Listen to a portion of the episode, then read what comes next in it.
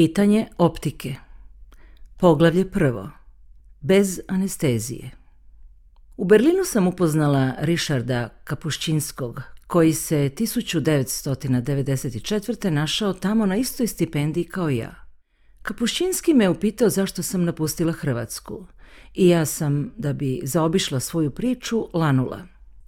Sjećate se onog filma Andžeja Vajde bez anestezije – o onom novinaru kojemu jednoga dana prestanu stizati strane novine u ured, a onda postupno gubi posao, ženu, sve. U stvari, filma sam se mutno sjećala i već sam bila požalila što sam tako nesmotrano navela baš taj primjer. Sjećam se, rekao je Kapuščinski. Ja sam bio taj novinar. Poglavlje drugo. Profesor pokazuje majmunske uši. U Amsterdamu je ledeni siječanj, neuobičajen za holandske mokre zime. Sjedim u zatopljenoj radnoj sobi i obavljam jutarnji ritual. Pretražujem na internetu novine, između ostaloga i hrvatske. Moj pogled zapinje za fotografiju. Na fotografiji je starac koji s dječački nestošnim osmijehom gleda ravno u i pokazuje mu majmunske uši. Pokazati nekome dugi nos Gesta je u kojoj palac raširenog dlana prislanjamo na nos. Pokazati majmunske uši gesta je kojom raširene dlanove prislanjamo na uši. Obje su geste infantilne, rugalačke, analogne plaženju jezika i već odavno nisu u upotrebi. Osmijeh poznajem. Osmijeh signalizira da je njegov nosilac svjestan da je počinio kakav nestašluk, da je, na primjer, slagao, ukrao, prevario, pretukao nekoga, podmetnuo nekome nogu ili u nečijem prisustvu tek pustio vjetar. Ali se rasteže ne bili udobrovoljio žrtvu. Osoba što se smješka ne smatra svoj smješak isprikom, nego pobjedom. Otuda onaj mali, slavodobitni sjaju kutu usana. To nije osmijeh krivca, već samouvjerenog gospodara situacije. To je osmijeh tobožnjega sluge kojega služe drugi. To je osmijeh varalice koji drži figu skrivenu u džepu. Tako se u mojoj bivšoj zemlji smješkaju mnogi muškarci. Tako su se cerekali srpski muževi u Srpskoj skupštini početkom rata. Sigurna sam da negdje postoji videozapis. Muževima je bilo dosadno, pa jedan bacio drugome papirnutu kuglicu u glavu. I započelo je opće cerekanje, Uspavane televizijske kamere živnule su. Kuglica je poletjela dalje i zasjedanje se načas pretvorilo u nestašen muški razred. A vani se, zbog svih njih, zbog ostarjelih, okrupnjelih i osjedjelih dječaka, veselo razbuktavao rat.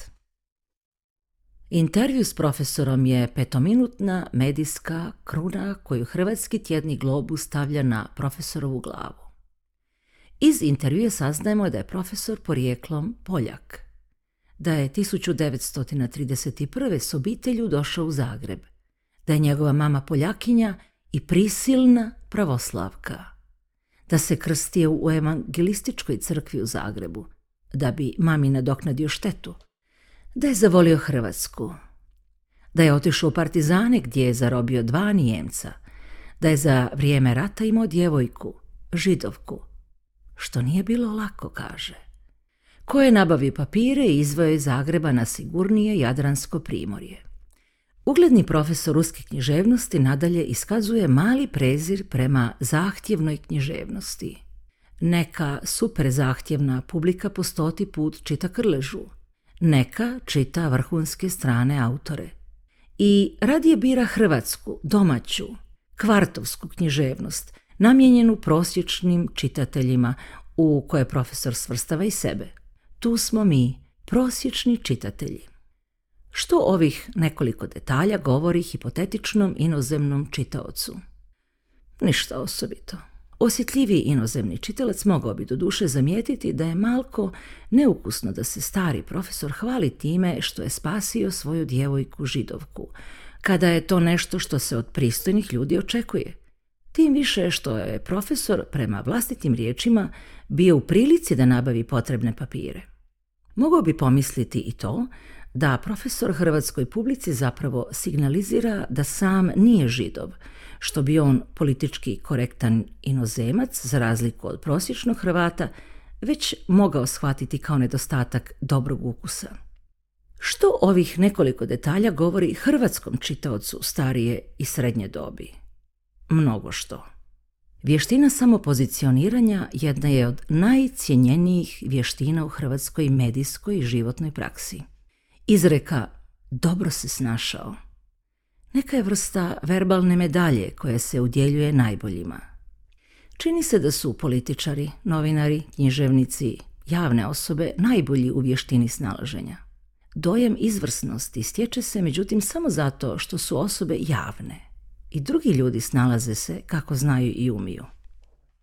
Profesor je sin tvorničara, ali su obiteljsku tvornicu uništili bolševici, što u prosječnom hrvatskom čitavcu izaziva automatsku sućut prema oštećenom.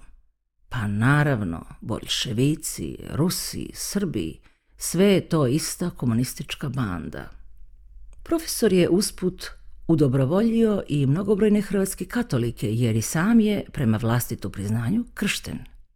Profesor je kao partizan u drugom svjetskom ratu zarobio, samo zarobio, a ne i ubio, dva Nijemca i to samo zato što je prema vlastitim riječima znao njemački jezik. Mali edukativni moment. Čime je sebe okvalificirao kao načelnog komunitarca među partizanima. Zašto profesor javno iznosi te detalje? Povod je posve razumljiv. Nedavno je objavljena njegova autobiografija. A razlog? Danas su takvi detalji prihvatljivi. Prije 15 godina nisu bili. Svako javno spominjanje partizanštine i antifašizma izazivalo je negodovanje, sve dok vlast u liku donedavnog hrvatskog predsjednika nije malko promijenila ton. Profesor, dakako, nije spomenuo da je bio i član Saveza komunista. Takvo što bi još uvijek moglo razjariti hipotetičnog hrvatskog prosječnog čitaoca. Najvažnije je da je profesor hrvatski rodoljub i da je Hrvatska njegova domovina. Profesor se nadalje malko pohvalio malim, ali hrabrim nestašlukom. Na studentskom zboru 1968. sastavljao je rezoluciju. Pritom preskače druge godine nakon drugog svjetskog rata, godinu 71. godinu 91. Poznato je da kad čovjek ostari, sve se više sjeća mladih godina, a zaboravlja stare, izjavljuje profesor. I nema nikoga tko se s time ne bi mogao složiti. Stari ljudi zaboravljaju i to što su u životu pročitali – Šteta je što se profesor nije prisjetio barem svoga zemljaka Časlava Miloša i njegove antologijske knjige Zarobljeni um ili svoga drugoga zemljaka Miroslava Krleže i njegova antologijska romana Na rubu pameti. Poglavlje treće. Zašto sam zapela? Zašto sam zapela za intervju i čemu jetke primjedbe na riječi starca koji se zadovoljno prečaka u zasluženom trenutku medijske pažnje? Osobu s fotografije poznajem. Razumijem njezin jezik. Prepoznajem nijanse i tonove. Njušim svaku riječ. Poznajem lokalni hrvatski novogovor koji se svaki čas već prema prilikama mijenja. Što više, koji se svako malo i institucionalno mijenja. Reagiram kao precizan senzor. Znam da je svaka riječ tu da pogledi jedno uho i zareže u drugo. Da je svaka i najbanalnija rečenica u čiju jednoznačnost nevini čitalac i ne sumnja, samo novi namaz pudera na lice onoga koji je izgovara. Zašto sam se prihvatila otužno posla demaskiranja posve nevažnog novinskog teksta? Jer tekst je onako neprevodiv. A neprevodiv je zato jer je duboko kontekstualan. Prevođenje je ovdje borba s hidrom, prevodilac ovdje mazohistički unaprijed pristaje na gubitak. Pokušajmo zamisliti situaciju u kojoj netom silovana žena pokušava reći da su je silovali. Ali joj umjesto uobičajenih kanala, policije, suda i zakona, nude da to ispriča kroz jedan jedini preostao kanal – pokvareni telefon. Očajna žena šapuće uho prvome do sebe. Silovali su me. Šapat ide od uha do uha i posljednji u lancu glasno kaže – milovali su me. Ljudi u lancu se smiju. Žena pokušava ponovo i svaki put izlazi neka druga riječ. Gomila se zabavlja. Vi ste zvijeri, viče potresena žena. Svakom pomjeri, viče zadnju lancu i cijel lanac potresa se od smijeha. Metafora pokvarenog telefona primjenjiva je na sve bivše jugoslavenske sredine. Jezik pokvarenog telefona u širokom je opticaju. Ušao je u sve pore života, u medije, institucije, politiku, u način mišljenja, u međuljudske odnose, u svakidašnji život. U rezultatu mnogi zločini nisu procesuirani, mnoge žrtve su ušutkane, mnogi zločinci proglašeni su herojima, mnogi lopovi poslovnim ljudima, mnogi glupani intelektualcima i poneki intelektualci glupanima – Mnogi počinitelji zločina žrtvama, mnoge žrtve počiniteljima. I mnogi luđaci normalnima, i mnogi normalni ljudi luđacima. Ovih dana na sudu u Hagu i Radovan Karadžić igra se pokvarenog telefona. Skida sa sebe riječi optužbe kao dosadne čičke. Svaku riječ optužbe koja zvuči kao silovanje, on samouvjereno izvrće u milovanje. I naslov intervjua s profesorom kao da je ispao iz pokvarenog telefona. On glasi Dubravka Ugrešić nije otjerana. Otkuda moje ime u naslovu? I zašto taj glagol otjerati? Prva asocijacija otjerati golubove. Dok mi starčevo lice s ekrana pokazuje majmunske uši, iš, iš, iš, dotle mi naslov poruče suprotno, to da nisam otjerana. Koji je ovo košmar? Osjećam se kao da me je netko grubo izbacio iz moje sigurne prostorne i vremenske distance – Amsterdam, Sječanj, 2010. I protiv moje volje katapultira unazad, u drugi prostor, u drugo vrijeme, u godinu 1991. godinu 1992. godinu 1993. Poglavlje četvrto. Zašto izlazim bez kišobrana? Ne znam da li svaki čovjek posjeduje neku svoju personalnu neadekvatnost, ali ja sam svakako vlasnica svoje. Nosim je poput madeža na tijelu koji sam stekla rođenjem. Nisam čak sigurna je li neadekvatnost prava riječ. E, prije će biti da se radi o optici. Možda je u pravu kolega književnik koji je hrvatskoj javnosti bio davno skrenuo pozornost na moju optičku deformaciju. Tu vrstu unutrašnjih previda skloni smo da tumačimo kao zavjeru detalja uperenih protiv nas, koji se tokom života poput malih magneta skupljaju u slagalicu, u našu tajnu, paralelnu biografiju, u nečitljiv psihogram, u unutrašnji zemljovid koji se, tako nam se barem čini, ne poklapa s našim stvarnim putanjama. Ta skrivena, paralelna biografija sastoji se od nekih nejasnih, ali uvijek istih frustracija ili fascinacija. Od nekih nejasnih nelagoda koje izazivaju uvijek ista situacija ili isti ljudi. Od nekih ozarenja koje izazivaju uvijek ista gesta ili osmijeh. Od nekih uvijek istih sitnih grešaka, tvrdoglavosti i strahova. Kao dijete bojala sam se stepenica. Znala bih se popeti, ali nisam znala kako da siđem. Umeđu vremenu sam dakako naučila, ali onaj djetinji strah pri pogledu nadolje i dalje čuči u meni. Sitni, tvrdoglavi detalji, ništa osobito. Zašto određenu točku u gradu savladavam na isti, duži i naporni način? Zašto je upravo ta putanja, a ne neka druga, tako tvrdoglavo fiksirana u moje glavi? Zašto prisjetivši se nekih ljudi koje sam srela u životu, tvrdoglavo zaboravljam njihova imena, ali pamtim detalje, to kako netko naginje glavu, kako zabrinuto gladi lijevu obrvu i kretnjom popraćuje neku izgovorenu riječ. Zašto uporno izlazim bez kišobrana iako je bjelodano da će pasti kiša? Poglavlje peto. Abeceda rata. Početkom rujna 1991. u Zagrebu, zajedno s ostalim stanarima, silazila sam u podrum petokatnice u kojoj sam stanovala zbog svakodnevnih uzbuna. Uzbune, za razliku od svojih susjeda, nisam uzimala i suviše ozbiljno. Danas se pitam odakle taj ozbiljni previd, ta arogancija koja opasnost ne uzima suviše ozbiljno. Nešto kasnije tadašnji zagrebački gradonačelnik potvrdio je da su uzbune bile neka vrsta treninga, čija svrha bila mentalna mobilizacija naroda protiv neprijatelja. Ta usputna gradonačelnikova izjava nije se probila do kolektivnog uha i ostala je do dana zaboravljena kao i mnoge druge slične informacije. Zašto? Zato što su u nekim drugim mjestima uzbune bile opravdane. Zagrebčani očito nisu htjeli čuti da je njihova ugroženost bila tek simulacijska ratna igra. U istu vrstu simulacijskih igara spadale su tadašnje dnevne vijesti i upozorenja građanima da se čuvaju i prijavljuju srpske snajperiste koji prerušeni u poštari zvone na vrata ili se prerušeni u dimničare veru po zagrebačkim krovovima. A pritom nikada nijedan nije bio uhvaćen. Nikada nije objelodanjen nijedan, lažan barem, dokaz o njihovu postojanju.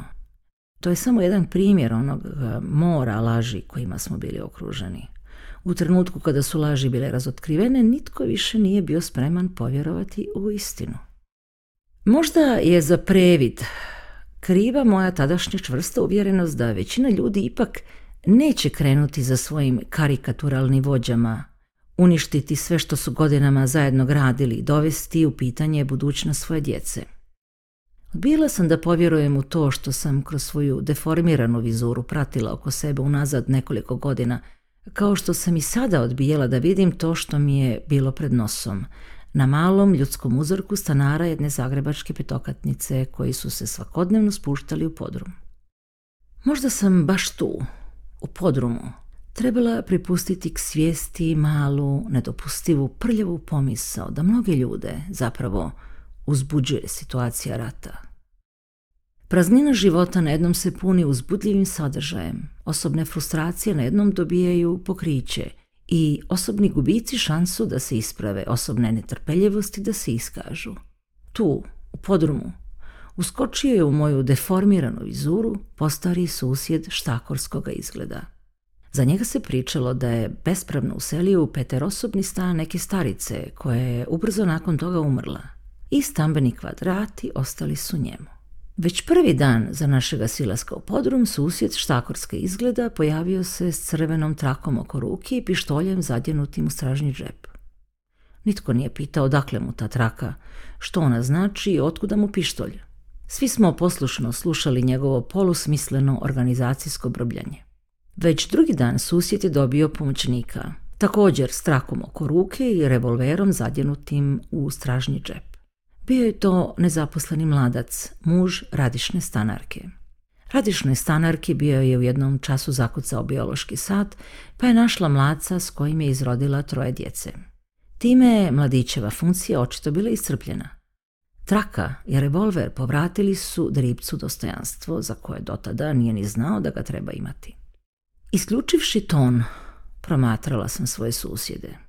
Tada sam u nekom dijeliću mozga, zahvaljujući svojoj deformiranoj optici, pronikla načas u neposrednu budućnost. Činilo mi se da znam tko će prvi neprijatelju zariti zube u grlo. Tko će provesti rad gledajući televizor? Tko će prvi pohrliti da denuncira susjede? Tko će eventualnim ranjenicima povijati rane? Tko će pasti u depresiju? Tko će huškati ljude? tko će raznositi vijesti, tko će izmusti ratni profit. Možda je tu, u podrumu, trebalo naučiti abecedu rata. Ja sam međutim svoje trenutno proniknuće bacila u vjetar kao nevažiću novčanicu. Poglavlje šesto. Američki fikcionar. Krajem rujna 1991. sjela sam na vlak i otputovala u Amsterdam. U Amsterdamu sam izvadila američku vizu i krenula za Ameriku, gdje me je čekao gostujući predavački posao. Viza dobivena u Amsterdamu pokazala se sretnom okolnošću. U Zagrebu su u to vrijeme sve ambasade, banke i Zagrebački aerodrom bili zatvoreni. U Njorku me prvi put snažno udarila spoznaja da je moja raspadnuta zemlja u ratu. Za ovu grešku u koraku bila je ponovno kriva moja deformirana optika. To što je u tom času bilo daleko, najednom je postalo tako nepodnošljivo blizu. To što mi je bilo ispred nosa, jedva da sam razaznavala. Tresla me spoznajna groznica – Svoje strahove istjerivala sam na neprimjeren način, buljeći satima u televizijske horor filmove u malom njujorskom stanu, koji mi je na neko vrijeme bila ustupila gostoljubiva vlasnica. Kada sam izmiguljila iz svog njujorskog skloništa, strahove sam gasila u susretima sa zemljacima. Većina nas bila je u srednjim godinama. Jedni su došli da ostanu zauvijek, drugi su se, baš kao ja, zadesili u Americi privremeno. Bilo je to snažno afterlife iskustvo. Obrili smo se na drugom kraju svijeta, kao na kakvoj košmarnoj kerolovskoj čajanci i nitko od nas zapravo nije točno znao što će sa sobom. Američki fikcionar, knjiga koja je nastajala u tih nekoliko mjeseci, bila je rezultat moje poremećene optike. Svoje napise o američkoj svakidešnici slala sam holandskim novinama. Nisam se previše pitala što će od svega toga shvatiti holandski čitalac. Autorska situacija u kojoj sam se našla i onako je već unaprijed bila osuđena na fijasko. Moji tekstovi bili su pisani u nervoznom unutrašnjem dvoglasu. Jedno je opovrgavalo drugo, jedno drugo dopunjavalo, jedno se preslikavalo u drugome. Pa ipak, čini se da je moja kriva optika pomogla da stvari, barem načas, stavim na pravo mjesto. U lipnju 1992. vratila sam se u Zagreb. Osjećaj unutrašnje neadekvatnosti postoje je bolno oštar. Ponovo sam stvari doživljavala u dvoslici, u troslici, u kopiji i originalu.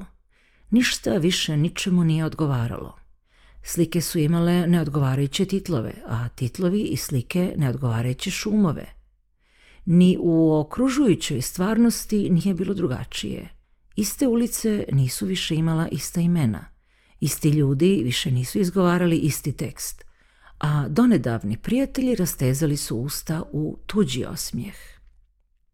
Početkom rujna 1992. krenula sam na svoj redovni posao. Bila sam zaposlena u Zavodu za znanost o književnosti Filozofskog fakulteta u Zagrebu.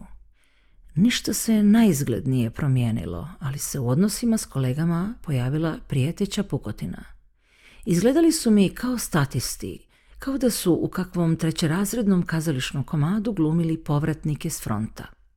Pusti ih. Sve će to proći, rekla je kolegica koja je bila u Americi u isto vrijeme kada ja.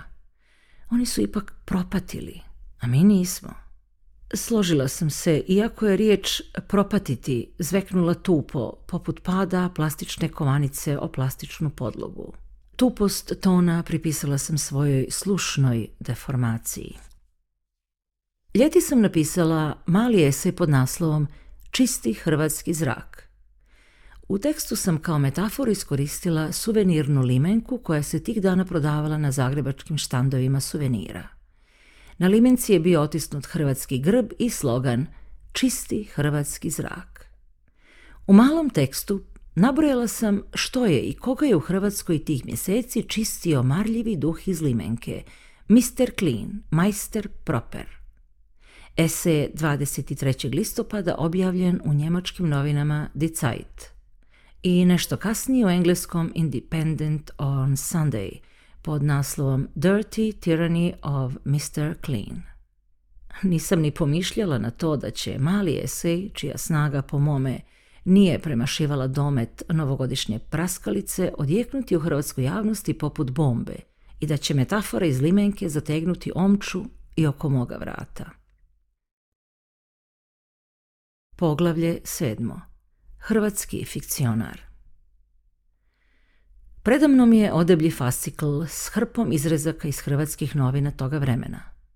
Novine su malko požutile, papir se malko istanjio. Načas mi se čini da indiferentna hrpa novinskog papira nema baš nikakve veze sa mnom, a onda me stari novinski papir iznenada zareže poput žileta i iz ranice načas, samo načas, potekne svježa krv. Zatim mi se učini da čitam čitulje – Zamjećujem da ponekoga više nema na životu. Kod nekih se začudim da još postoje. Neki su ljudi kao konzerve sa neograničenim trajanjem, mislim. A onda se zapitam, postojim li ja?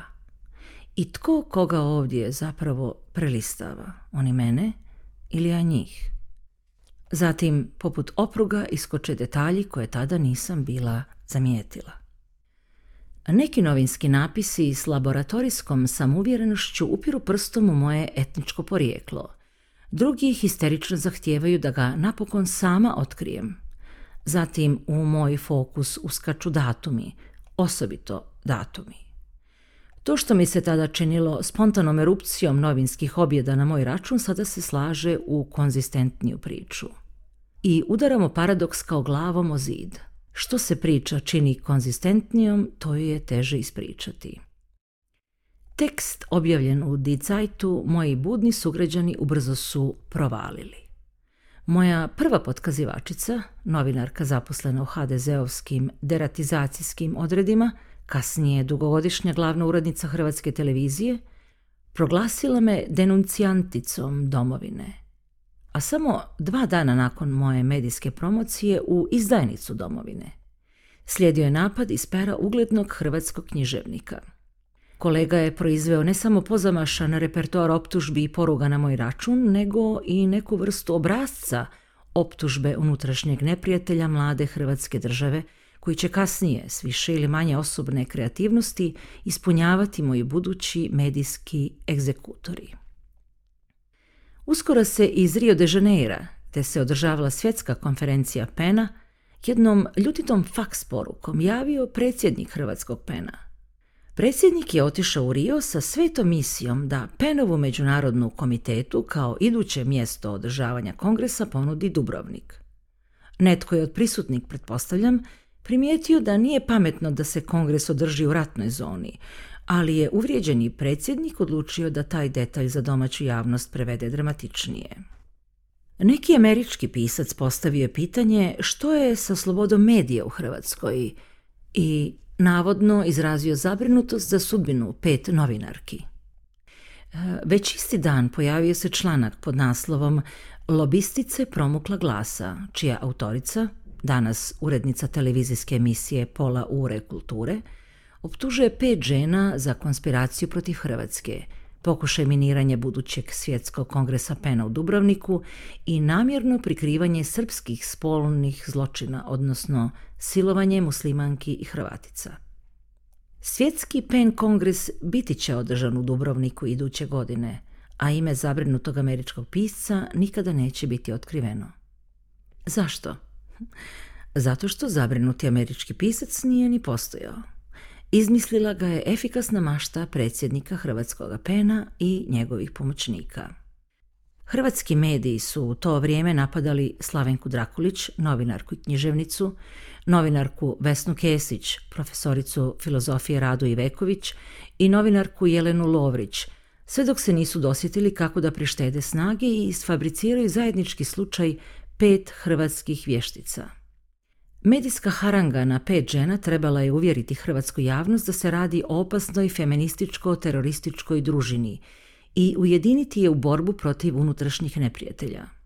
Mi, međutim, nismo bile družina. Svaka se nosila sa svojom profesijom, s etiketom vještice, s konsekvencama svog intelektualnog i moralnog izbora kako je znala.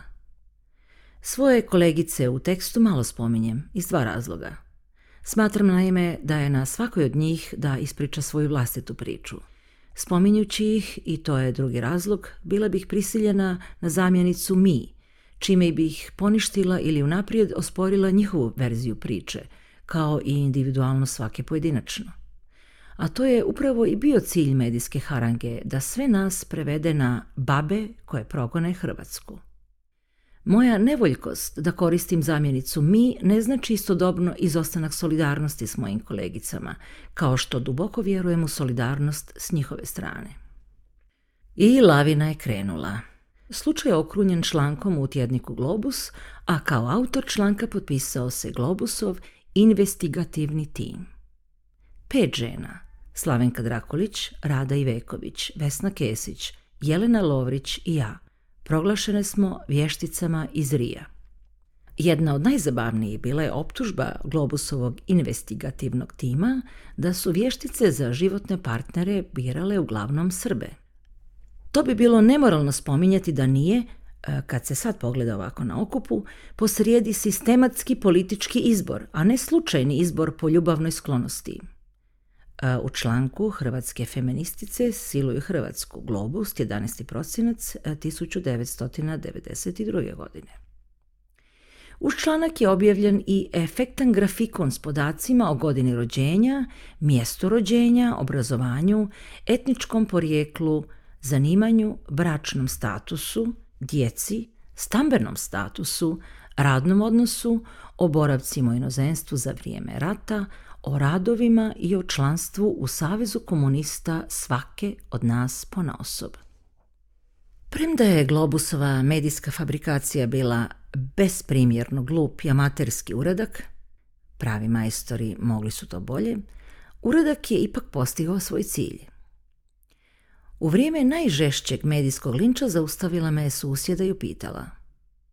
Onda susjeda, kad idemo van – ovo van odnosilo se pretpostavljeno na to kada ću van iz Hrvatske. E, zašto bih ja to trebala ići van, pitala sam. Pa kad pišete one laži o nama. A vi ste čitali što to piše.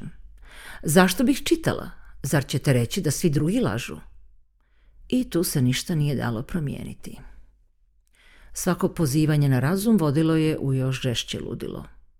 U odgovor na započeto medijsko harangu objavila sam esej Laku noć, hrvatski pisci, na hrvatskom jeziku u hrvatskim novinama. Nitko nije komentirao moj tekst, ali dva tjedna kasnije, kao pokvaren u telefonu, stigao je kolektivni odgovor investigativnog globusovog tima. Kolektivni blesan plazio mi je jezik i pokazivao majmunske uši. Moja književnički osjetljiva narav ne može odoljeti, a da ne citira, izbor je moj. Repertoar pogrda koje su na mene osobno i na vještičiju družinu sasuli najpismeniji među pismenima, hrvatski novinari, hrvatski pisci i hrvatski kritičari. U njihovim napisima opisana sam kao osoba s deformiranom optikom – Osoba koja nema razumijevanja za narod koji se poveselio vlastitoj državi i slobodi govora. Osoba koja je izgubila ukus i mjeru. Osoba koja progovara na krivi način, na krivom mjestu i u krivi čas. Osoba s ograničenom perspektivom. Književnica specifična talenta čije pisanje sitan štrikeraj. Nacionalna peroubojica. Baba koja progoni Hrvatsku. Baba koja jezičari, trača, denuncira. Osoba dostojna prezira. Osoba koja je samo lomača u Hrvatskoj može zatopliti srce. Članica jedne od organizacijskih jezgara međunarodnog otpora i difamiranja Hrvatskog domovinskog rata. Članica družine pomalo nesretnih, a u svakom slučaju frustriranih žena. Lažljivica – ukleta holanđanka, jugonostalgičarka, nacionalna daltonistica, salonska internacionalistica, mrzovoljna i zlonamjerna mjeračica slobode. Tužibaba koja nudi recepte za slobodu iz već davno usmrđenih evropskih pseudolijevih i pseudodesnih kuhinja. Osoba s vertikalnim problemom. Osoba koja je pobrkala lončiće Osoba koja u oluji nisko spušta haljinu. Osoba koja prodaje domovinu za 100 maraka. Osoba koja za male novce, ali očito s velikim veseljem, denuncira i pljuje po svojoj domovini. Perjanica propaloga komunističkog režima. Informatorica Europske zajednice. Brižljivo odabrana sugovornica Brisla i Europske zajednice. Osoba dvojbenog ugleda osoba koja nije nipošto izložena represijama, bezdomovinska intelektualka, dama hrvatskog postkomunizma, Samospaljevačica koju kad se vrati u Zagreb treba odmah okružiti iz 20 vatrogasnih kola, uperiti u nju 300 šmrkova, na svaku njezinu riječ treba pustiti vodu. Osoba koja je dotjerala do savršenstva patološku mržnju prema Hrvatskoj i Hrvatstvu – bijesna žena, nezajažljiva jugonostalgičarka, osoba spremna za kakvu bolju psihijatrijsku kliniku, članica skupine egzaltiranih čeri revolucije, denuncijantica domovine, članica skupine koja je pokušala minirati održavanje PEN kongresa u Dubrovniku, lobistica promukla glasa, osoba koja konspirira protiv Hrvatske, feministica – Feministica koja siluje Hrvatsku. Antihrvatska feministica.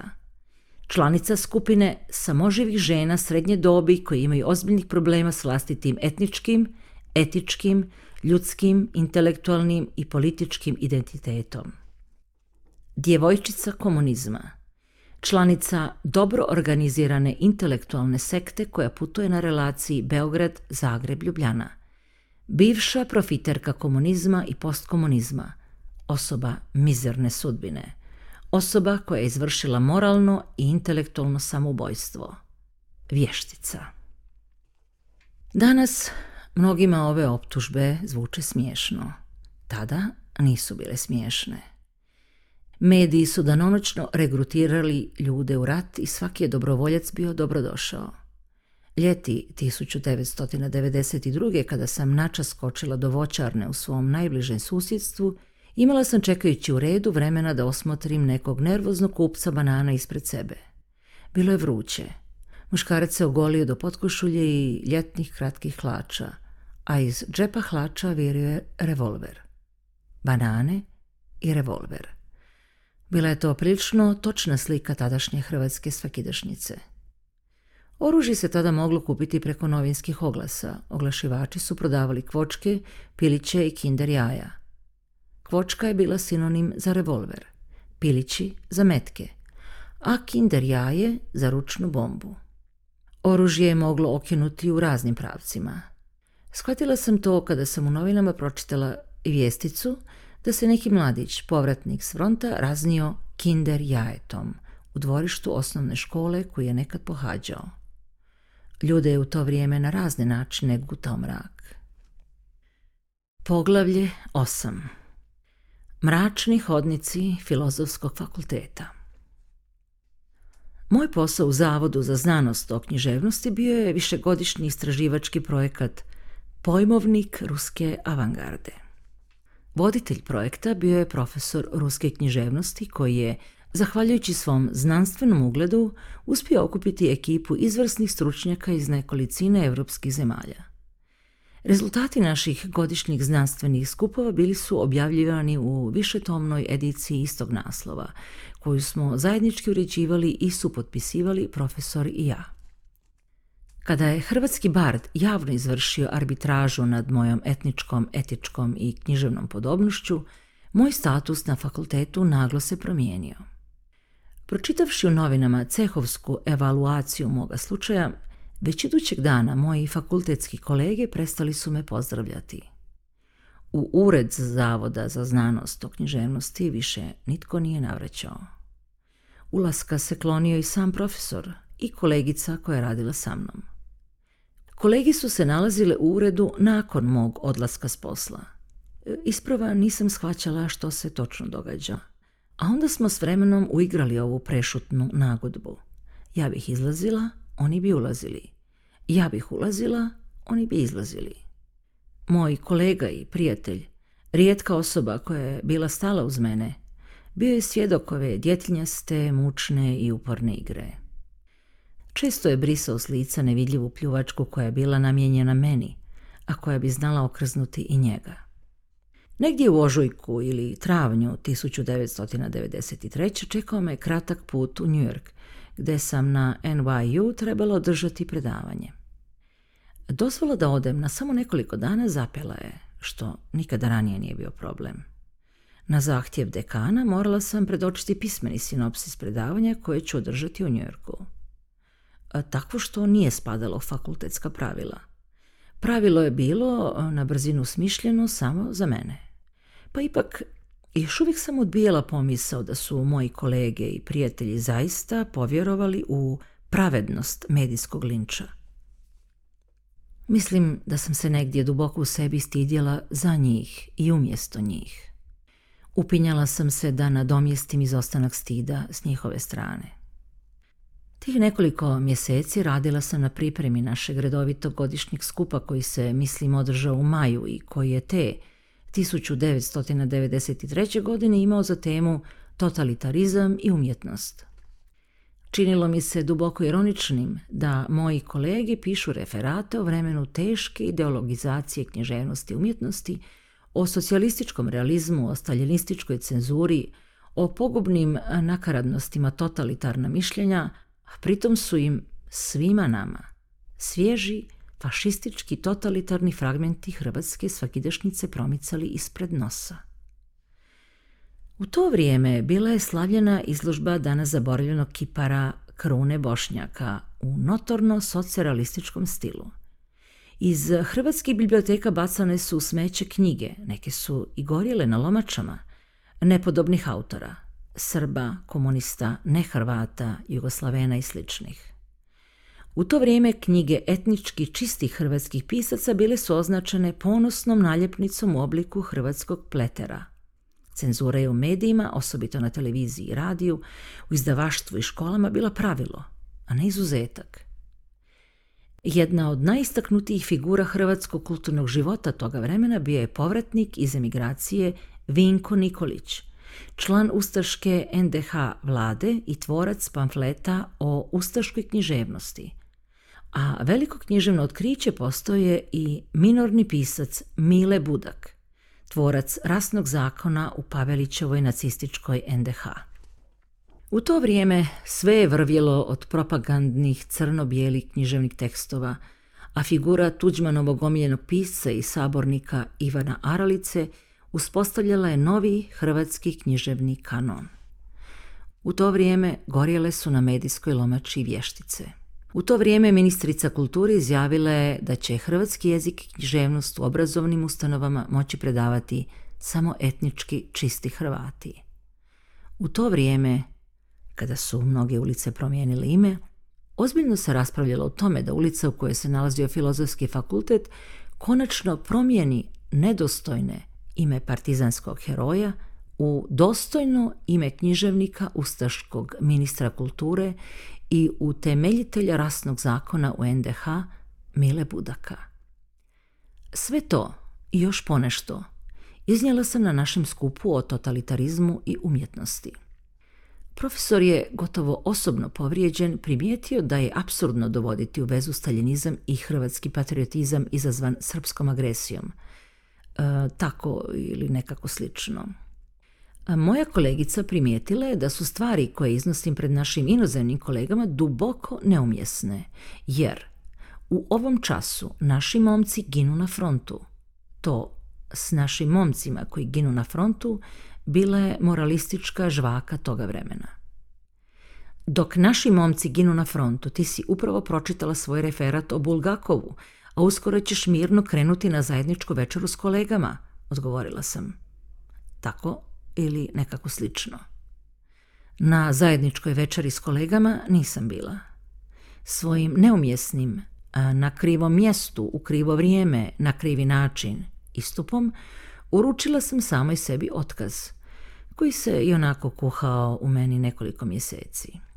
Ili preciznije, nisam ja dala otkaz sebi, nego njima, mojim kolegama, intelektualcima, humanistima, profesorima književnosti.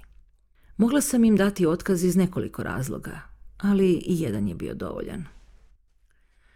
U to vrijeme, prema naputku Hrvatskog ministarstva kulture, čišćene su biblioteke od nepodobnih knjiga i njihovih autora. Ponegdje su gorjele i lomače. Što više, lomače su znali inicirati lokalni bibliotekari, učitelji i đaci. O hrvatskom knjigocidu 1991. 1992. pisao je u nekoliko navrata Feralov novinar Igor Lasić, da bi se na kraju našao farsičnoj situaciji u kojoj ga je bibliotekarka knjižnice u Korčuli i spaljevačica knjiga tužila sudu. Broj časopisa prosvjeta s naslovom Knjigocid, kulturocid, novembar 2003. i jasno malo na citat Heinricha Heinea.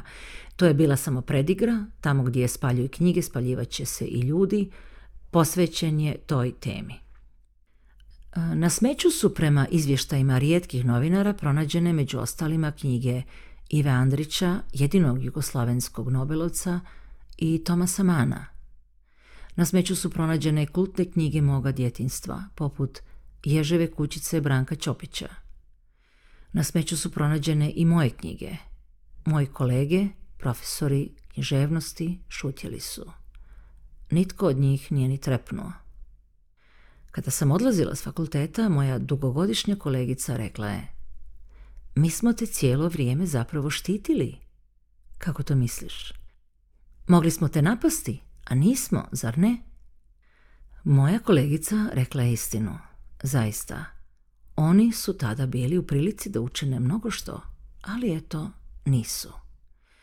Nitko mi nije upucao metak u čelo, Drugim riječima, štitili su me.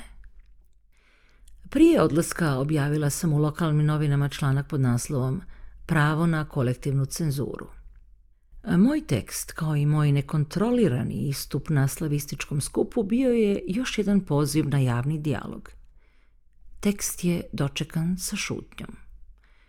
Pokvareni telefon, prepričavanje mojih eseja objavljenih u inozemnim novinama, bio je slađi i ubojitiji po mene od otvorene konfrontacije. Sam čin stupanja u dijalog podrazumijeva minimum poštovanja prema sugovorniku i dijalogu kao obliku komunikacije s drugim. Odbijanje dijaloga govori o ridikulizaciji, o neopozivoj ljudskoj i profesionalnoj diskvalifikaciji drugoga a kada sam profesoru i dugogodišnjem saradniku rekla da odlazim s fakulteta, on je rekao, to je najbolje što možete učiniti. I ni riječi manje, i ni riječi više, i ni riječi nikada poslije. Poglavlje deveto. Specijalni rat.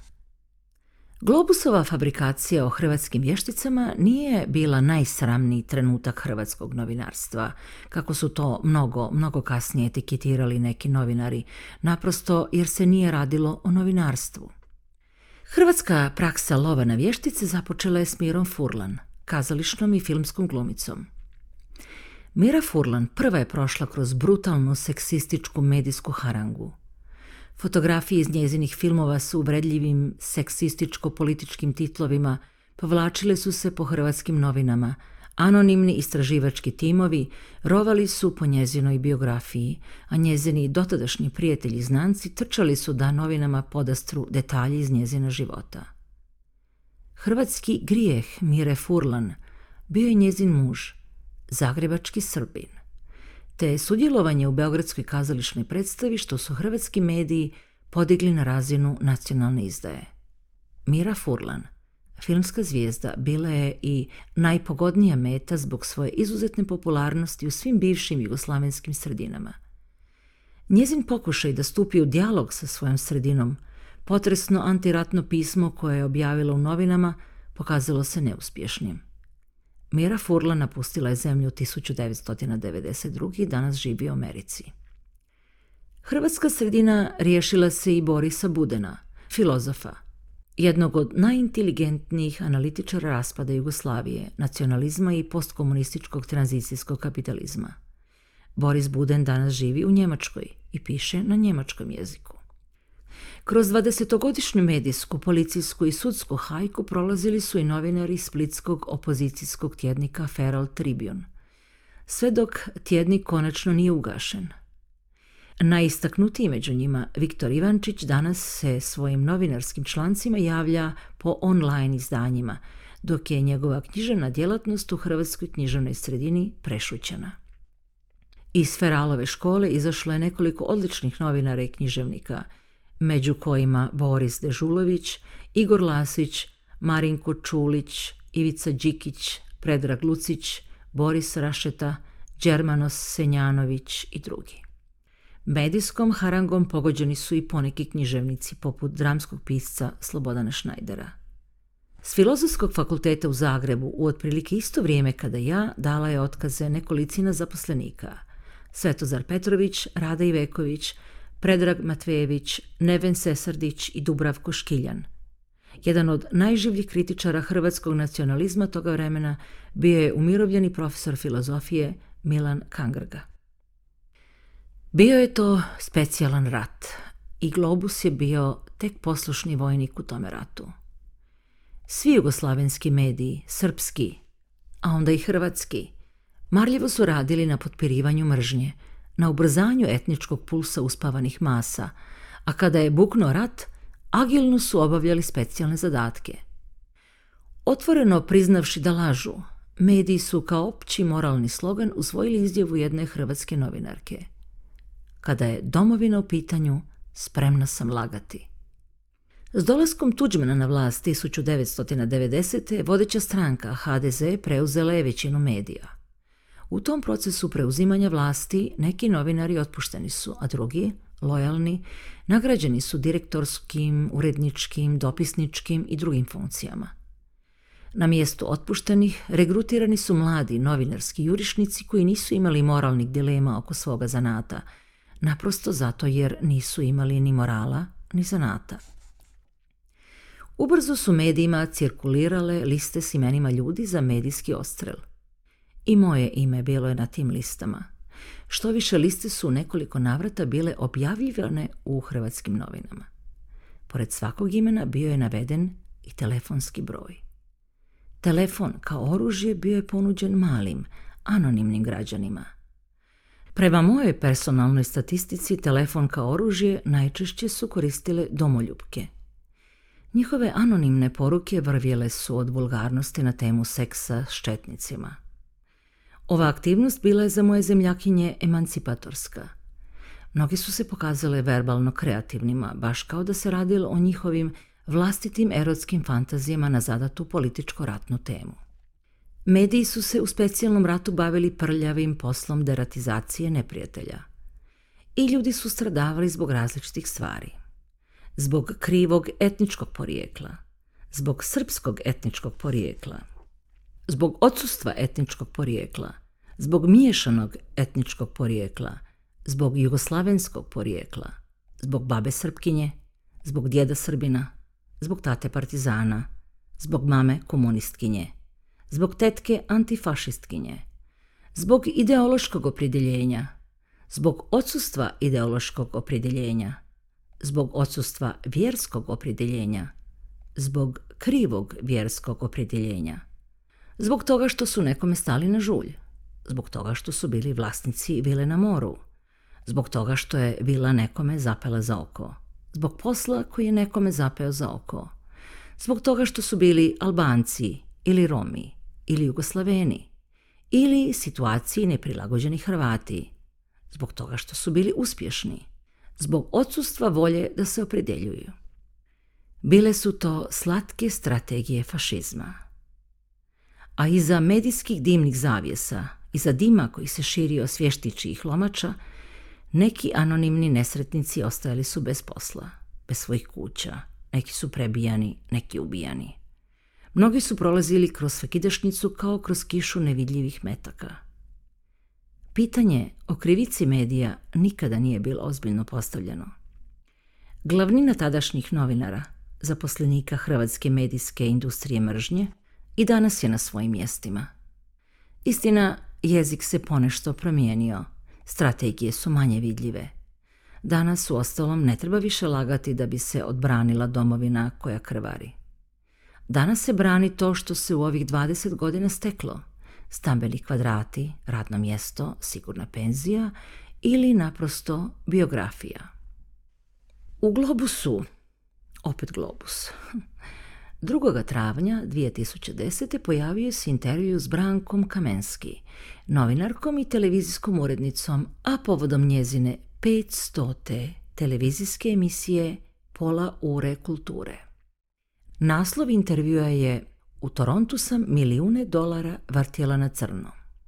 Branka Kamenski spominje u intervju Hloverku Novak Srzić, svoju najbolju prijateljicu i zamjensku sestru.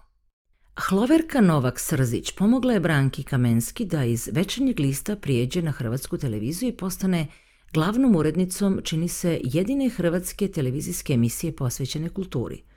Kamenski se u intervju prisjeća i svoje intimne veze s hrvatskim književnikom Antonom Šoljanom, koji je bio jedna od najvažnijih književnih osoba u mome životu. Osjećam se privilegiranom što sam ga poznavala, kaže Kamenski. Kamenski se prisjeća i svojih važnih intervjua, kao na primjer intervjua s Vinkom Nikolićem, povratnikom iz emigracije, tvorcem pamfleta o ustaškoj književnosti i nekadašnjim visokim djelatnikom u vladi Ante Pavelića u toku kojega se suočila ne samo s hrvatskom povješću, ne samo iz vremena NDH, nego i s Nikolićevim nevjerojatno plavim prodornim očima. Sestra Branki Kamenski, dugogodišnja televizijska urednica Hloverka Novak Srzić, bila je moja prva potkazivačica. Denunciranje domovine, glasnik 9.11.1992. Dva dana nakon što me Novak Srzić proglasila denuncijanticom domovine i osobom sumnjiva etnička porijekla, pojavio se članak Antona Šoljana. Dubravka Ugrišić u raljama rata – Večernji list 11.11.1992. Hrvatskog barda i najvažnije osobe u životu Branke Kamenski. Tri tjedna kasnije pojavit će se članci same Branke Kamenski, lobistice promokloga glasa i Čorak u Riju, večernji list 5.12.1992 koji će službeno otvoriti medijsku hajku na pet hrvatskih vještica – Branka Kamenski otkriće u intervju i svoj sportski hobi, tenis, i priložiti fotografiju na kojoj su njezini najdraži teniski partneri. Osim već pomenute zamjenske sestre, tu je i Slaven Letica. Slaven Letica bio je sve i svašta. Od tuđmanovog personalnog savjetnika do nezavisnog predsjedničkog kandidata, a između ostaloga i inicijator i autor globusove fabrikacije – Hrvatske feministice i Hrvatsku Globus 11. prosinac 1992. koja je objavljena samo šest dana nakon novinske fabrikacije Branke Kamenski, lobistice Promukla glasa. Danas, 18 godina kasnije, Branka Kamenski tvrdi Prvi smo na televiziji otvorili pitanje disidenata u novoj Hrvatskoj državi, Dubravke Ugrešić, Slavenke Drakulić, Slobodana Šnajdera.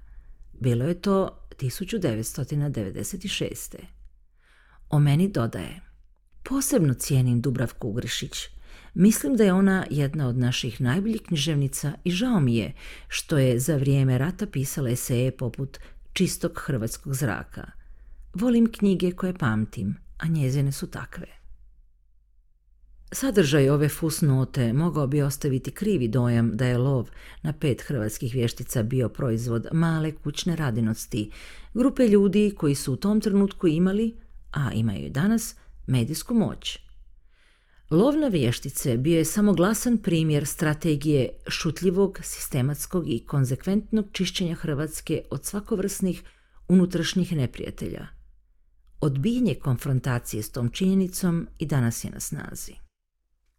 Što više, danas najglasnija imena hrvatske književnosti konforno smještena na svojim radnim mjestima i objenčana lokalnim književnim nagradama, računajući na kratku pamet, u čemu su ostalom u pravu jer žive u amnestičkom društvenom okolišu, vrše ekspropriaciju vještićeg diskursa i tako naknadno popravljaju svoj imidž.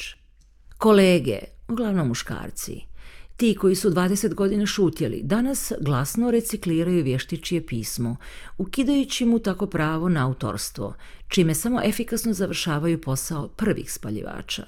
Ovdje pritom ne mislim samo na žene, nego i na muškarce vještice, na Borisa Budena i Viktora Ivančića među ostalima. Poglavlje deseto. Bajka o malom hrvatskom rodoljubu.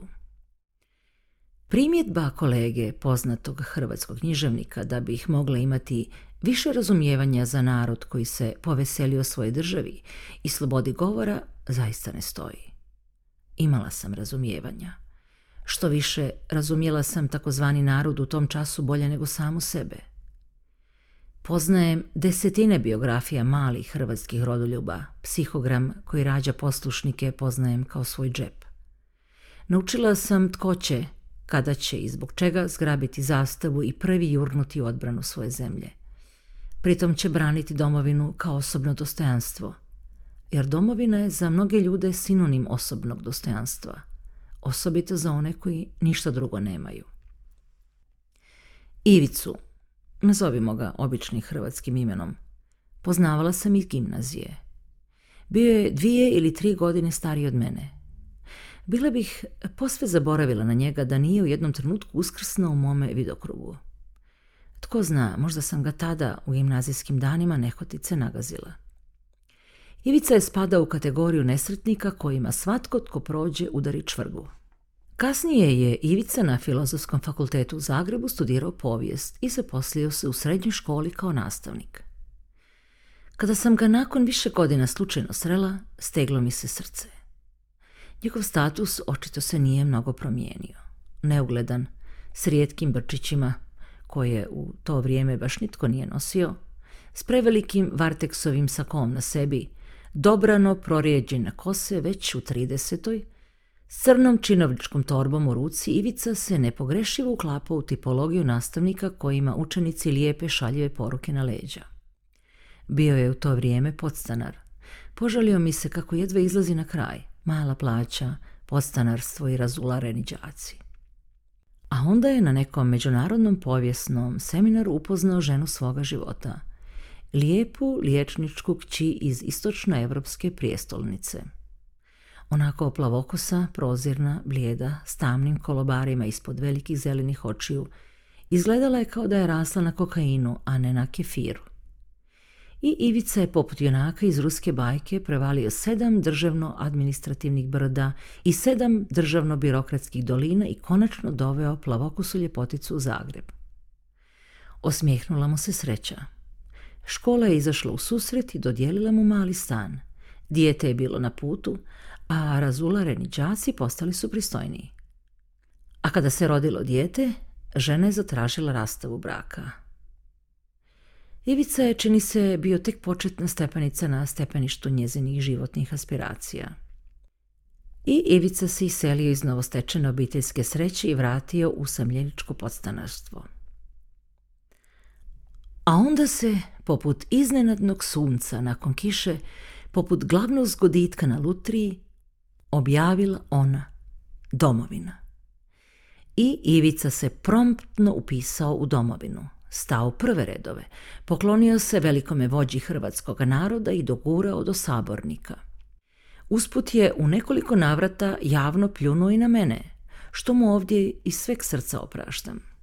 Što više, za njegovu osobnu sreću spremna sam okrenuti i drugi obraz. Domovina mu je dala novi, prostorni stan i, kažu, personalnog šofera, iako je moguće da je šofer tek plod moje empatičke mašte. Sve je sada imao. Samo ženu nije imao, što je za hrvatskog političara i katolika krupna prepreka na putu prema ozbiljnijoj karijeri. I Ivica je, što drugo da radi, po drugi put zaprosio svoju kokainsku plavušu. I gle, mudra žena pristala je. Otada smo je viđali na televiziji, svaki put kada bi se pojavila neka istočna evropska delegacija. Plavuša je služila kao personalna prevoditeljica tadašnjeg predsjednika Franja Tuđmana a onda se na domovinskoj lutari ponovo zavrtio sretan broj. Ivica je dobio ambasadorsko mjesto ni više ni manje nego u ženinoj istočnoevropskoj prijestolnici. Zamišljam kako izgledao prvi ambasadorski prijem na kojemu Ivica, dijete hrvatskog seoskog siromaška, dočekuje punca i punicu, liječnike. Zamišljam kako sve one životne čvrge i čvoruge nestaju kao rukom odnesene, Zamišljam i te roditelje, liječnike, koji dolaze da se diplomatski poklone zetu. Umjesto hrvatskog seljačića s brčićima, slinovog Ivanuške, dočekao ih je hrvatski ambasador. Zvijer koje su tako nesmotrno prepustili jedinicu ljepoticu, prometnula se u princa. Što je dalje bilo, ne znam, ali Ivica čini se više nije ambasador. Možda još uvijek ima neku funkciju, ali televizijski kamere više ne love njegovo lice. Hrvatski državni aparat danas se polako rješava svojih jurišnika. Jurišnici, kažu, narušavaju imidž Hrvatske u svijetu. Ivica je gotovo učbenički primjer ur fašističkog psihograma. A ljude s takvim vrijednim psihogramom nikada ne miču, njih samo privremeno stavljaju na led. Poglavlje 11. Mama U lipnju 1993. dala sam otkaz na filozofskom fakultetu. Jesen sam provela na jugu Njemačke. Iduću godinu trebala sam provesti na stipendiju u Berlinu, ali što ću i kamo ću dalje nisam znala. Iako sam bila napustila hrvatsku sredinu, sredina je teško napuštala mene. Ponašala se poput bumeranga – Histerično me podsjećalo na činjenicu da sam joj pripadala i da joj prema tome zaovijek pripadam, a njeno je da odluči hoće li me silovati ili milovati. Hrvatstvo se vuklo za mnom po europskim zemljama. Sjedilo na mojim književnim večerima po raznim gradovima Europe, svađalo se, dobacivalo jetke primjedbe, grubo prekidalo moje nastupe s uvijek istim optužujućim repertoarom. Znalo se pojaviti u liku sjedokosog muškarca u Beču – koji bi u maniri starinskog policijskog doušnika nešto zapisivao Blokčić. U liku neke ostrašćene žene u Kopenhagenu koja bi mašući nevidljivim toplomjerom mjerila razinu moga hrvatstva. U liku mlade nastavnice hrvatskog jezika u Bonu koja bi me, prethodno ponosno istaknuvši da nije pročitala nijednu moju knjigu, optužila da u svojim knjigama upotrebljavam srbizme. U liku ponositog predstavnika Hrvatske katoličke zajednice u Berlinu – koji bi me na mojoj književnoj večeri optužio za propast hrvatskog turizma. Pritom, nitko od tih ljudi nikada nije izgovorio svoje ime i prezime. Hrvatstvo se predstavljalo sa zamjenicom mi. Ponekad me je hrvatstvo podmuklo pratilo u obliku ružna trača, u obliku kiše pisama koje su potaknuta agilnim hrvatskim atašeom za kulturu u Cirihu na adresu Noe Cirher Zeitunga – slali švicarski Hrvati, izražavajući ogorčenje zbog svakog mog tamo objavljenog teksta. Ponekad se hrvatstvo objavljivalo s institucionalnim licem u ponudi Hrvatskog veleposlanstva u Sofiji i mome bugarskom izdavaču da otkupi cjelokupnu nakladu bugarskog izdanja Kulture laži. Hrvatski veleposlanik u Bugarskoj u tom času bio je moj kolega, pjesnik. Kolega je najbolje znao što u knjizi piše. Ponekad se hrvatstvo pojavljivalo na kakvom sajmu knjiga, gdje bi oni, hrvatski književnici, bili na jednoj strani dok bih ja bila na drugoj strani. Moji kolege izvodili bi svoju složenu pantomimu prolazeći pored mene kao da me ne vide i dajući mi istodobno neznanje da me ne vide. Moja najveća podrška bila je moja mama. Kada sam već bila napustila Zagreb – Anonimni hrvatski građani znali su je terorizirati telefonski pozivima. Je li to gospođa Ugrešić? Da, rekla je mama. Majka književnice Ugrešić. I kada bi moja naivna starica ponosno odgovorila da jest, da je na telefonu mama književnice Ugrešić, u njezino uho sručivale su se uvrede. Tako joj je jednom prilikom samozvana predstavnica malog mjesta u kojem sam se rodila – poručila da me se oni, građani dotičnog mjesta, odriču. Kako te se mogu odricati? Pa nisu te oni rodili, komentirala bi smijući se moja mama. Ponekad je znala gunđati. Prestani s tim pisanjem, zbog tebe će mi oduzeti penziju, rogoborila je. Da li bi radije da ti ukinu penziju ili da me vidiš na Tuđmanovom prijemu, iskušavala sam je. Umrla bih od srama da te vidim na televiziji s Tuđmanom. Što ne bi bilo loše, jer mi onda penzija više ne bi trebala, rekla bi. I mi bismo prasnule u smijeh. Ponekad bih ja posustala. Ne bih više znala kako da se nosim s tuđom mržnjom. Zamisli kako bi tek bilo da te vole, tješila me vedro moja starica. Ponekad bi opet ona posustala, pa bi se gunđajući zapitala kako je baš nju zapala sudbina da ima tvrdoglavu čerku. Zamislite kako je bilo roditeljima Josifa Brodskog, lanula bih. Da, ali ti nisi Brodski, odbrusila bi mama. I mi bismo prasnule u obostrano ohrabrujući smijeh. Sada, iz tog procijepa, gdje se na jednoj strani komešaju činjenice u obliku besmislene hrpe novinskog papira, a na drugoj moja deformirana sjećanja, kao rijetko lice zdravog razuma izranja moja mama. I kad bi me neko pritisnuo za zid i priselio da nakon tolikih godina konačno odgovorim na besmisleno pitanje imam li ja uopće Hrvatsku domovinu? Odgovorila bih da imam i da je to moja mama, Bugarka. Mame, na moju duboku žalost, odnedavno nema više među živima. Poglavlje 12. Istjerivači golubova Vratimo se na početak, na fotografiju profesora koji mi pokazuje majmunske uši i naslov koji mi poručuje da nisam otjerana. Na pitanje zna li on što ja danas pišem, profesor kaže Otkako je ostala u inozemstvu, ne. U pitanju su s jedne strane osobni odnosi, a s druge činjenica da je ona namjerno napustila ovu sredinu. Ona nije protjerana, nitko je nije tjerao, otišla je na stipendiju nisam bio spreman prihvatiti njenu publicistiku. Razišli smo se onog trena kada je ona svoj publicistički posao shvatila kao svoj rat u inozemstvu počela se reklamirati kao disident, emigrant. Izvor, tekst Dubravka Ugrišić nije otjerana, intervju s Aleksandrom Flakerom, Globus, 22. siječanj 2010. Profesor je na pitanje mogao odgovoriti da ne zna što ja pišem. Bilo bi to, doduše, ne suviše laskav odgovor za jednog profesora književnosti, ali razumljiv. Profesor, međutim, ima potrebu da kaže, iako ga to nisu pitali, da sam namjerno napustila sredinu, da nisam protjerana, da me nitko nije tjerao. Moj književni rad kvalificira kao publicistiku. Odakle zna ako me nije čitao.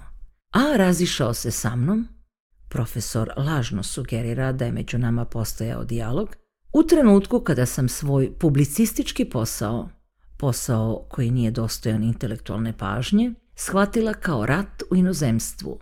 Ja pucam iz pera, a inozemstvo mi je busija.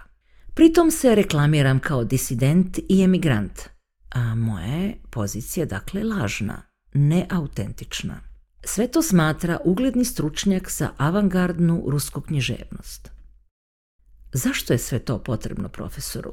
Kako to da se nakon punih 18 godina kada se lomača već ugasila, najednom odvažio da i on javno zapali žigicu i upotrijebi istu retoriku kao i njegovi prethodnici.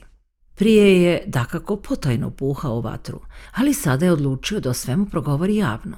Profesor dobro zna da živi u sredini u kojoj ljudi nemaju moralne principe, ali za uzvrat imaju nju, sredinu – Među ljudima smrdi, ali je barem toplo, kaže Miroslav Krleža.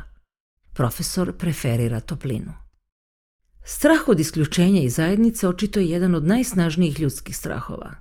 Strah od isključenja i zajednice usjepljuje se s prvim isključenjem iz dječje igre, iz dječjeg rođendana i školskog razreda. Strah od isključenja i zajednice temelje svakog fašizma. Straha nije liše nitko, pa ni stari profesor. Zašto je redakcija Globusa izvukla naslov Dubravka Ugrešić nije otjerana? Globusu je profesorov autoritet zatrebao kao potvrda da je njegov investigativni tim prije 18 godina ipak bio u pravu. Ali zašto baš sada?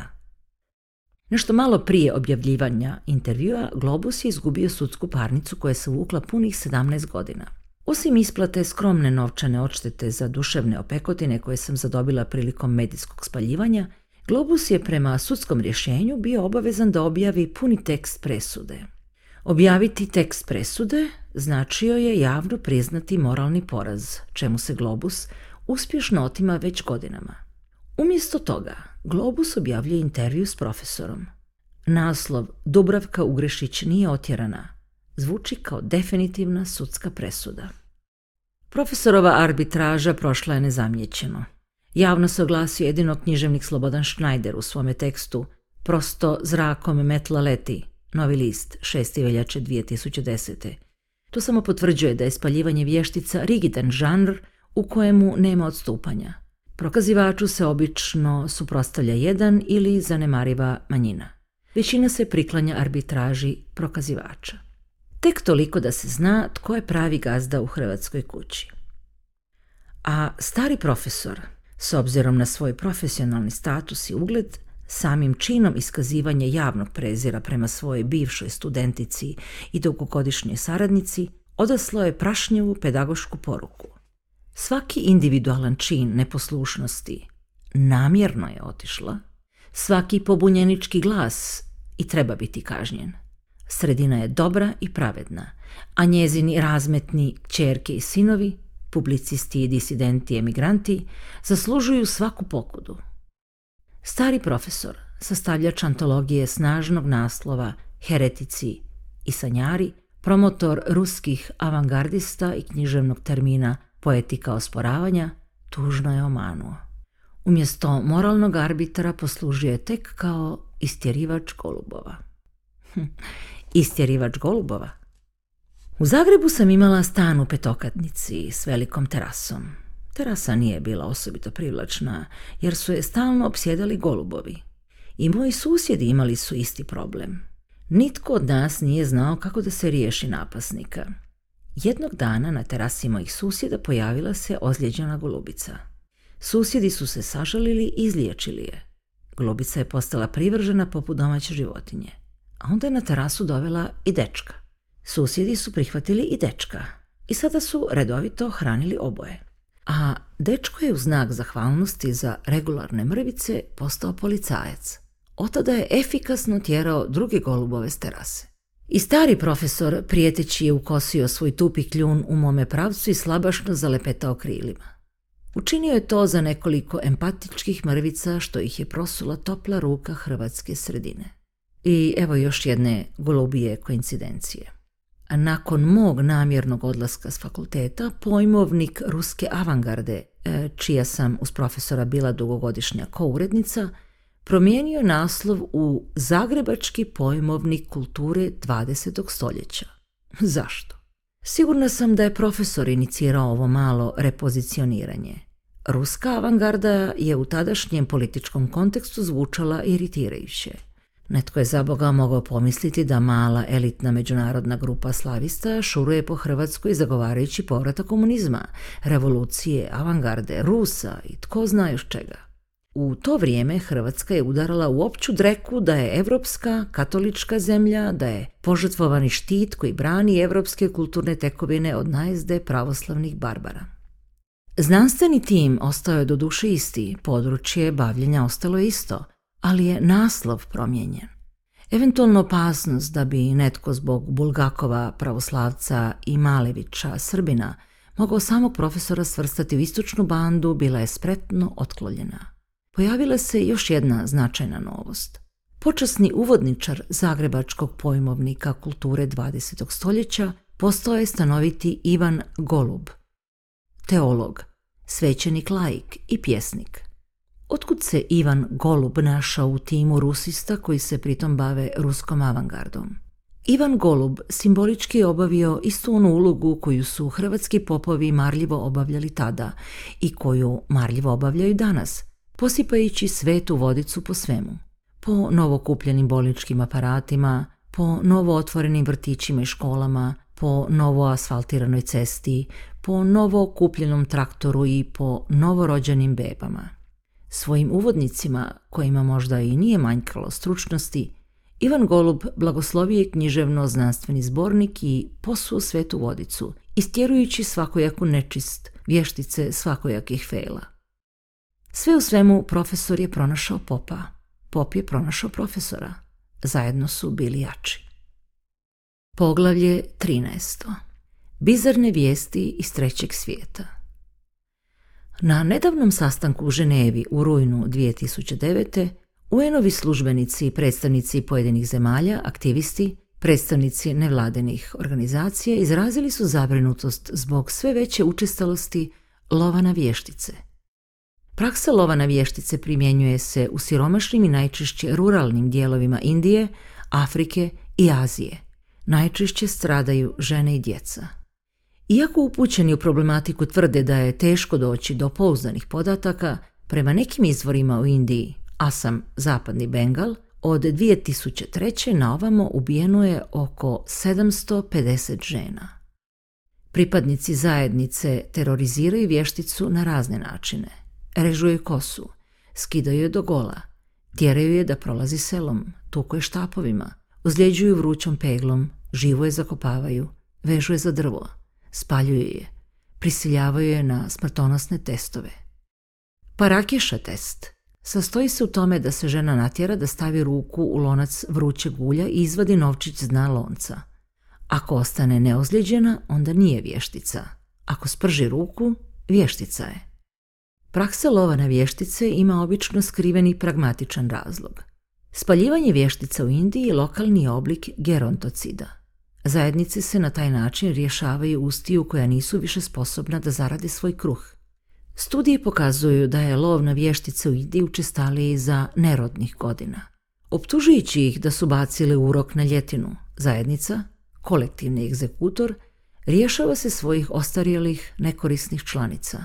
I u Africi, Tanzanija, Kongo, žrtve su najčešće stare žene siromašnih seoskih domaćinstava – Praksa lova na vještice u iznimnom je porastu na Novoj Gvineji. Nova Gvineja je po broju oboljelih od aids nadmašila Ugandu. Čak 90% zaraženih na svim pacifičkim otocima stanovnici su Nove Gvineje. Stanovnici Nove Gvineje za raširenu bolest okrivljuju vještice, sangume, i izlažu ih teroru koji najčešće završava ubojstvom. U osobito zabrinjavajućem porastu je praksa molestiranja djece koju njihove zajednice proglašavaju vješticama bez obzira na spol. U Kinshasi je navodno desetine tisuća djece živi na ulici. Većinu te djece odbacili su njihove obitelji zbog navodne sumnje da su vještice. Stvarni razlog je siromaštvo. A prokazivači su roditelji koji nisu sposobni da se brinu o svoje brojno djeci. Vodeću ulogu u toj okrutnoj praksi imaju lokalni svećenici – koji na arbitraži, tko je vještica, a tko nije, a zatim i na egzorcističkim torturama, gdje tjeraju djecu da ispijaju dušičnu kiselinu, na primjer, zarađuju novac. Ugrožena skupina su i afrički albinosi, jer postoji vjerovanje da dijelovi njihovih tijela mogu poslužiti protiv vještičijih uroka ili pak za njihovo spravljanje. Osobito su ugrožena djeca. Nerijetka je i jeziva praksa da djeci naživo vade pojedine organe koji će poslužiti za spravljanje vještičijeg antiseruma. U vještičoj praksi postoji fenomen poznat pod nazivom koro, penis snatching. Fenomen je prvi put registriran u Kini i drugim azijskim zemljama, ali najnoviji primjeri dolaze iz Afrike, Kongo, Nigerija, Kamerun, Ghana, Gambija. Muškarci povremeno upadaju u kolektivnu histeriju, vjerujući da su im nestali penisi. Za krađu penisa može biti optužen bilo tko. Vještice, crni muškarci, ljudi koji nose zlatan prste na ruci, đavolov prijatelj, tajanstveni stranac. Pogođeni muškarcima penis navodno iščezava prilikom rukovanja s takvom osobom. Kastrirani muškarci se u bijesu okomljuju na kradljivca i fizički ga muče. Jedan nesretni sudanac optužio je za nestanak svog penisa cionističkog agenta koga su poslali u Sudan – da bi spriječio prokreaciju i razmnožavanje naših ljudi.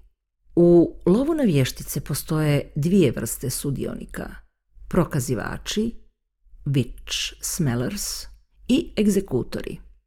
Iako zabranjena u nekim afričkim kulturama, bantu kultura na primjer, praksa lova na vještice nije iskorenjena. Prokazivači, witch smellers, obično su žene, odjevene u svečanu ritualnu odjeću. Za vrijeme rituala, koji ima za cilj da identificira vješticu, pripadnici plemena sjedaju u krug, započinju s hipnotičnim ritualnim napjevavanjem i ritmičnim pljeskanjem dlana od lan, sve dok u nekom trenutku Vič Smeller ne dostigne stanje transa. Osoba koju u transu Vič Smeller dotakne rukom, vještica je. To može biti jedna ili više osoba. Suplemenici izlače iz kruga prokazane osobe i ubijaju ih po kratkom postupku. Ponekad ovi rituali traju i po nekoliko dana i znaju završiti u plemenskom samopokolju. I životinje mogu biti vještice. Prokazivačica, Vič Smeller, jede sirovo životinsko meso da bi ušla u duh životinje i izoštrila svoje njušne instinkte. Poglavlje 14. Prokazivači i egzekutori Danas, nakon gotovo 20 godina, između još uvijek žive tribalne prakse lova na vještice i svoga vještičijeg slučaja uočava mnogo sličnosti.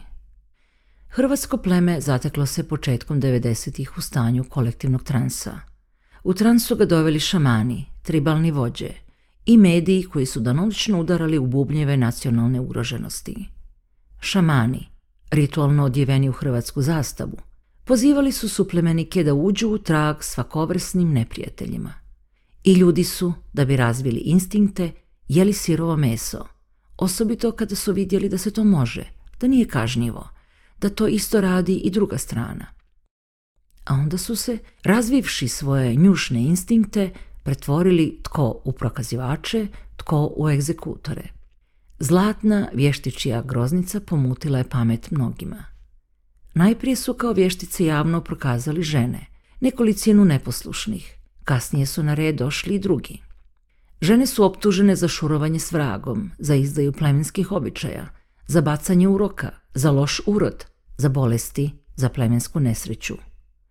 U metode kažnjavanja hrvatskih vještica spadali su javno ponižavanje, medijski teror, zastrašivanje, prezir, verbalni napadi, ostrakizam, lažne objede, ružni tračevi, oduzimanje intelektualnog posla, oduzimanje javnog prostora. Vještice su bile javne osobe, glomice, profesorice, novinarke, književnice. I prava na dijalog, zastrašivanje članova obitelji, anonimni telefonski pozivi, kolektivna ili personalna pisma upućena inozemnim fakultetskim katedrama, novinama, kolegama piscima i prevodiocima sa svrhom da im se i tamo, gdje god bile, oduzme javni prostor i mogućnost zaposlenja. Istina, nijedna od prokazanih žena nije bila prebijena ili ubijena. Zato su, daleko od medijske buke, prebijani i ubijeni drugi, anonimni ljudi. Vještice su poslužile kao medijski surogati – kao vašarska zabava, kao besplatna pikado meta izložena na glavnom trgu, kao najjeftinija metoda homogenizacije naroda protiv unutrašnjih i vanjskih neprijatelja. U moje meso zagrizli su kolege, šamani, arbitri, autoriteti, vič smeleri. Upavši u rodoljubni trans, prokazali su me i otvorili sezonu lova.